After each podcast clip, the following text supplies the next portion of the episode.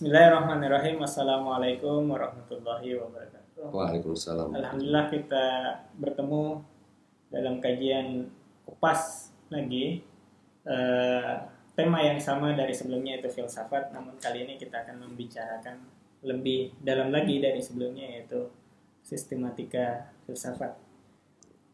Alhamdulillah pada kali ini di samping saya sudah berada Ustadz Musa Al-Kazim dan sebelumnya kita telah banyak berbicara tentang eh, perjalanan umum seorang filsuf ya. Dari mulai motif. Nah, pertanyaan yang lebih detail sebenarnya ketika kita berbicara tentang motif yaitu ingin tahu, kagum tentang pengetahuan dan realitas itu. Nah, sebenarnya tindakan apa selanjutnya yang eh, apa namanya yang seharusnya dilakukan oleh pencari kebenaran misalnya. Hmm. A'udzubillahi minasyaitonirrajim. Bismillahirrahmanirrahim. Assalamualaikum warahmatullahi wabarakatuh. Jadi pada episode sebelumnya kita kan telah sampaikan bahwa uh, seni berfilsafat itu atau filsafat secara umum, berfilsafat, kegiatan berfilsafat itu yang merupakan sesuatu yang sangat uh, kuno dalam sejarah manusia, dalam peradaban manusia, itu karena manusia memiliki keingintahuan, kekaguman pada sesuatu Hmm. dan kemudian karena keingintahuan, kekaguman dan keterpesonaannya, keterkesimaannya pada apa yang dia lihat dan dia pikirkan, timbul pertanyaan. Tunggu. Ya. Dan pertanyaan itu tadi harus diformulasikan. Jadi, dan itu sudah kita bahas cukup rinci ada eh, kalau tidak salah ada hmm, ada tujuh eh, apa namanya eh, episode kita yang berbicara tentang pertanyaan-pertanyaan dasar filsafat. Di situ bisa dirujuk. Nah, dari pertanyaan ini, jadi setelah orang mengagumi perhatian terhadap sesuatu dan ingin tahu sesuatu secara alamiah, dia akan punya pertanyaan, punya eh, serangkaian pertanyaan. Nah, serangkaian pertanyaan ini kemudian dia harus rumuskan dalam suatu pertanyaan yang sudah kita bahas. Ada apa, apa pertama, apa kedua, mengapa, mengapa satu, mengapa dua, eh, bagaimana dan seterusnya. Nah, ini ini akan menghasilkan jawaban. Dengan pertanyaan itu tadi Hmm, akan ada jawaban. jawaban. Jawaban itu didapatkan dari mana? Di sinilah muncul peran logika dalam filsafat. Jawaban itu didapatkan dengan mendefinisikan Hmm. apa yang dipertanyakan, ya kan? Mendefinisikan artinya mendefine, menentukan, men- mencari eh, hal apa yang dimaksud dengan yang ditanya tadi. Objek itu apa definisinya? Lalu dia menganalisis. Jadi mendefinisikan sesuatu itu secara otomatis menganalisis. Orang kan mendefine itu apa? Kalau di dalam bukan. Mendefine itu membatasi. Oh, membatasi. Kalau Anda punya pertanyaan tentang kayu, Anda batasi dulu. Kayu itu apa? Jenis. Kayu itu adalah suatu benda padat yang diambil dari pohon dan tanaman. Nah, ini kan membatasi. Berarti kayu bukan batu. Bukan batu. Nah, karena dari, dari tanaman. Nah, pembatasan ini namanya definisi. Pendefinisian artinya pembatasan. Dibatasi dulu objeknya. Setelah dibatasi secara rinci dan komprehensif sedemikian sehingga yang dibatasi atau objek ini tadi tidak tertukar dengan objek lain, baru dianalisis Hmm. objek yang telah didefinisikan yaitu kayu tadi dianalisis. Dianalisis artinya diurai. Kayu ini terdiri dari apa sih? Oh, kayu ini terdiri dari di dalamnya misalnya kita bicara tentang unsur A, unsur B, zat A, zat B dan lain sebagainya, kita urai dia. Hmm. Kita urai kembali. Setelah kita urai kembali, kita keluarkan yang bukan khas kekayuan. Jadi yang umum kita keluarkan lagi. Dihasilkan kemudian suatu definisi yang lebih eh, rapih, lebih tepat, lebih kuat hasilnya. Setelah itu kita mengklasifikasi. Melakukan klasifikasi berdasarkan apa? Hmm. Jenisnya. Jadi kayu ini klasifikasinya adalah benda. Eh, bukan eh, mujarrad, artinya benda material, bukan Non materi. benda non materi misalnya. Kayu ini adalah eh, benda padat, bukan benda cair. Nah, klasifikasi ini berguna juga nantinya. Jadi ketika kita sudah punya klasifikasi dan Aristoteles dianggap sebagai salah satu eh, guru pertama dalam ilmu pengetahuan karena dia mengklasifikasi benda-benda itu dan menghasilkan ilmu-ilmu. Maka dia mulai bikin ilmu fisika, ilmu matematika, ilmu metafisika, ilmu botani, ilmu zoologi, ilmu geologi, ilmu ini, ilmu ilmu ilmu karena klasifikasi tadi. Hmm. Jadi eh, benda seperti ini masuknya di zoologi, ilmu binatang nih. Benda seperti ini masuknya di ilmu tanaman, botani. Benda seperti ini masuknya di benda-benda langit, astronomi. Benda seperti ini masuknya di eh, bagian dari eh, kehidupan organisme, biologi. Benda seperti ini nih masuknya di fisiologi, masuk dan lain sebagainya. Dia mengklasifikasi. Dari klasifikasi itu muncul ilmu-ilmu yang sekarang kita kenal ini tadi makin detail klasifikasi kita, makin rumit klasifikasi kita, makin banyak nanti ilmu-ilmu spesialisasi baru.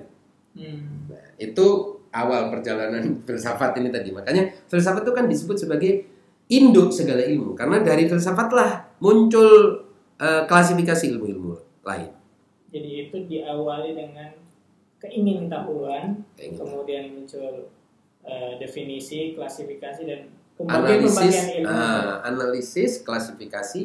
Setelah itu tidak cukup di situ.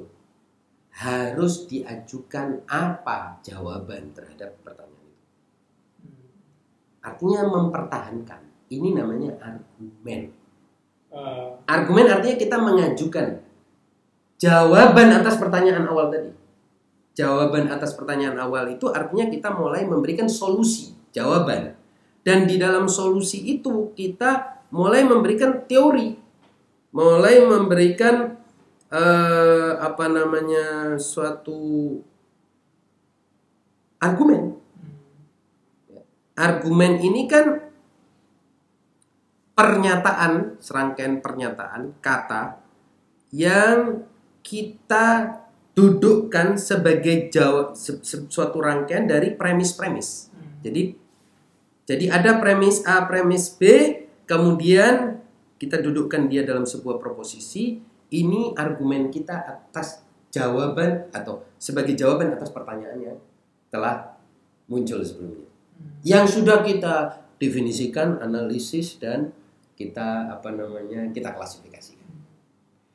Nah, oleh sebab itu filsafat itu kemudian menjaga ke apa konsistensi suatu pembahasan supaya pembahasan biologi jangan masuk ke pembahasan fisika, pembahasan fisika tidak masuk ke pembahasan matematika. Jadi tidak orang lari-lari yang nanti problem ini seperti apa namanya siluman. Enggak, dia di, di, di, di kerangkeng di satu kelas tertentu, satu subjek tertentu dan kita batasi itu dan kita bed- kita uraikan di situ, lalu kita berikan solusi terhadap problem filosofisnya. Oh, Jadi problem atau masalah filsafatnya atau pertanyaan filsafatnya. Nah, berikutnya perjalanan selanjutnya adalah ketika sudah ada suatu jawaban argumen, umumnya argumen ini dibantah. Ada bantahannya. Jadi ada argumen, ada kontra argumen. Dari argumen dan kontra argumen muncul dialektika. Ini metode filsafat.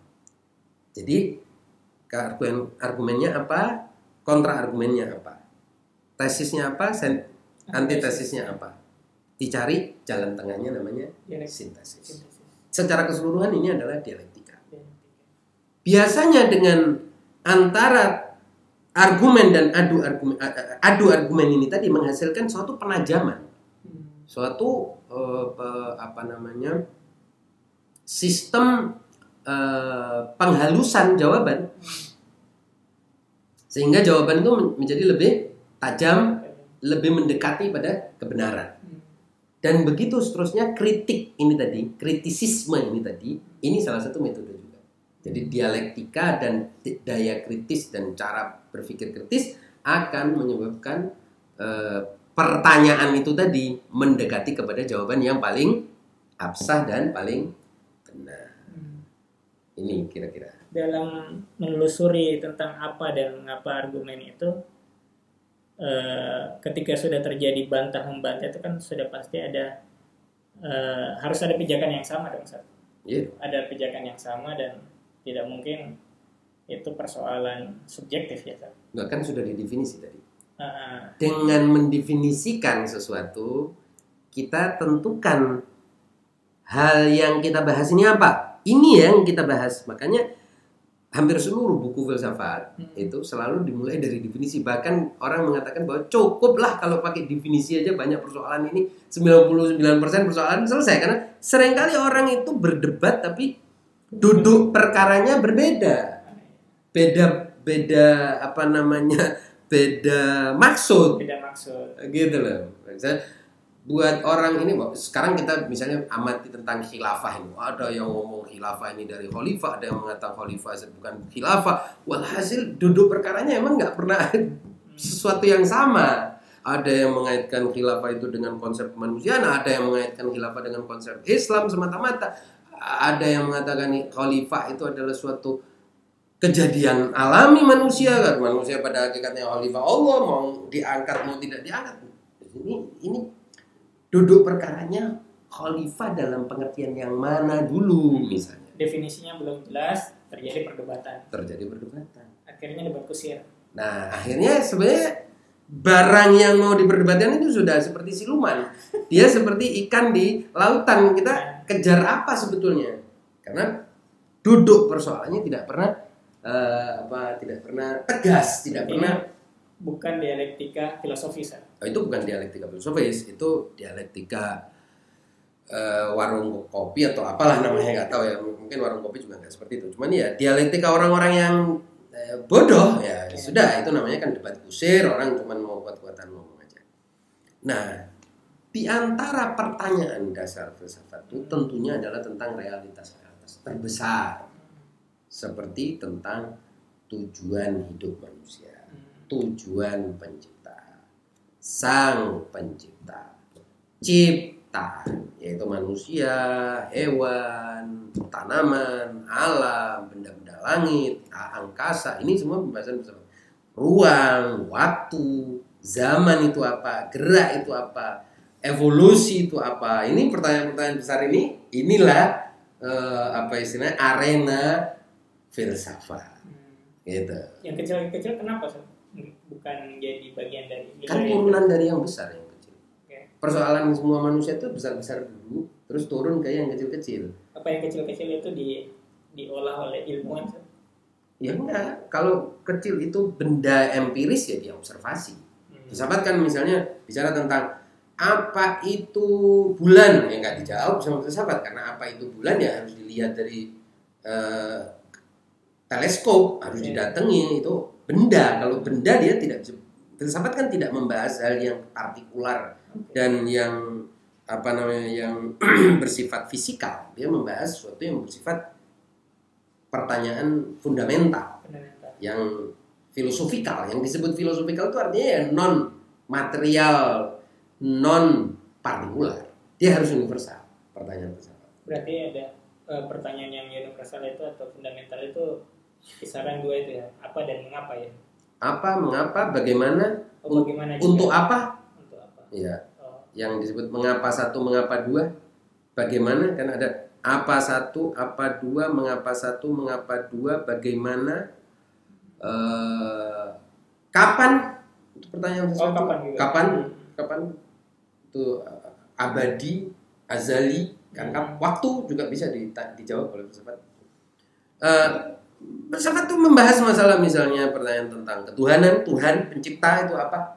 Manusia hakikat manusia itu apa? Manusia itu tubuhnya ruhnya. Hmm. kemudian pertanyaan tentang akal itu apa? Yang disebut akal yang disebut berpikir apa? Bedanya antara berpikir dengan berkhayal apa?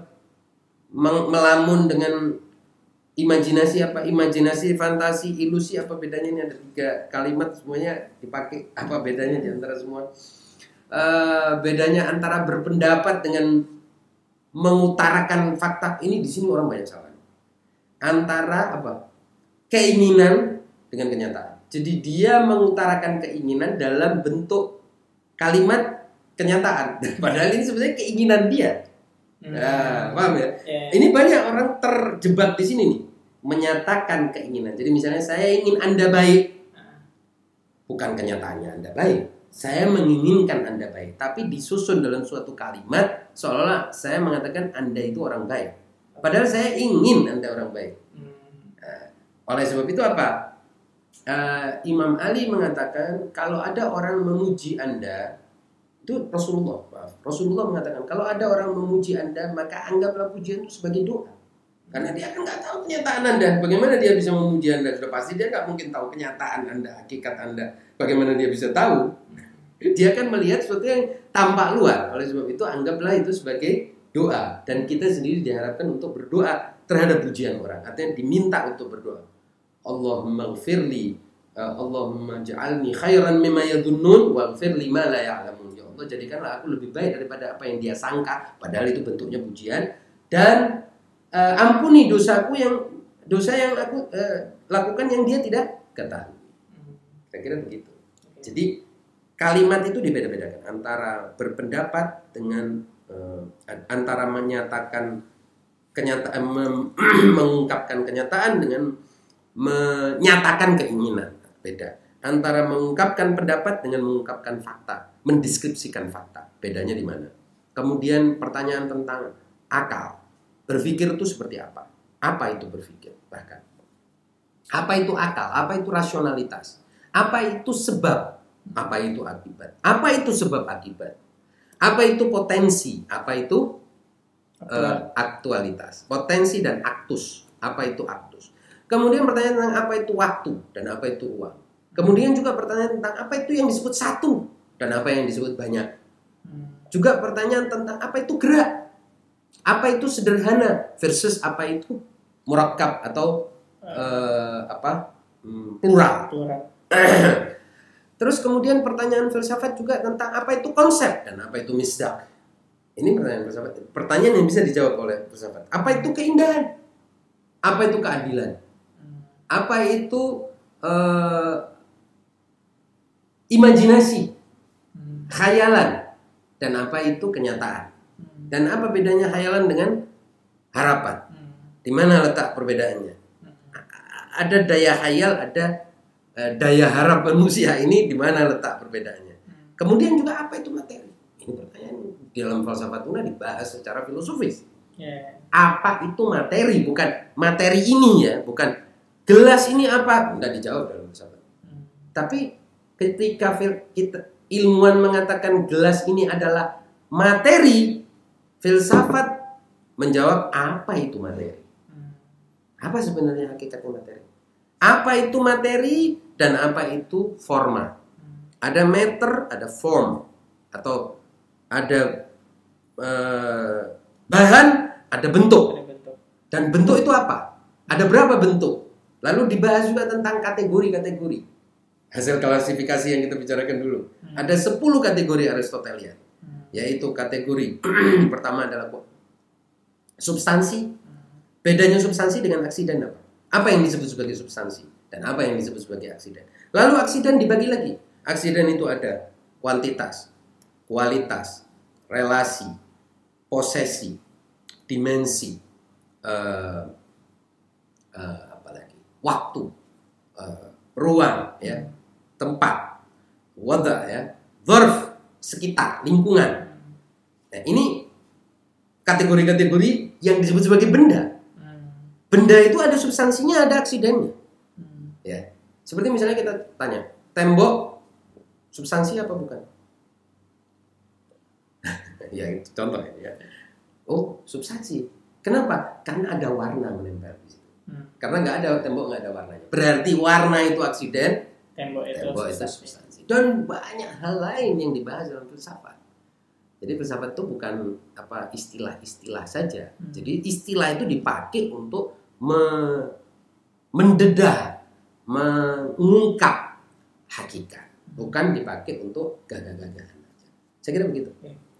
Demikian eh, pemirsa pembahasan kita pa- pada kali ini. Jadi eh, untuk memulai perjalanan seni filsafat ya sebenarnya Sistematika sistematika filsafat bisa dimulai dari pertanyaan-pertanyaan yang paling fundamental yaitu apa dan dengan pertanyaan ini saja dengan kita mengkuliti definisi sesuatu itu itu sudah sebenarnya sudah tahap yang paling bagus dan sebenarnya bisa menyelesaikan banyak masalah Hmm, hmm.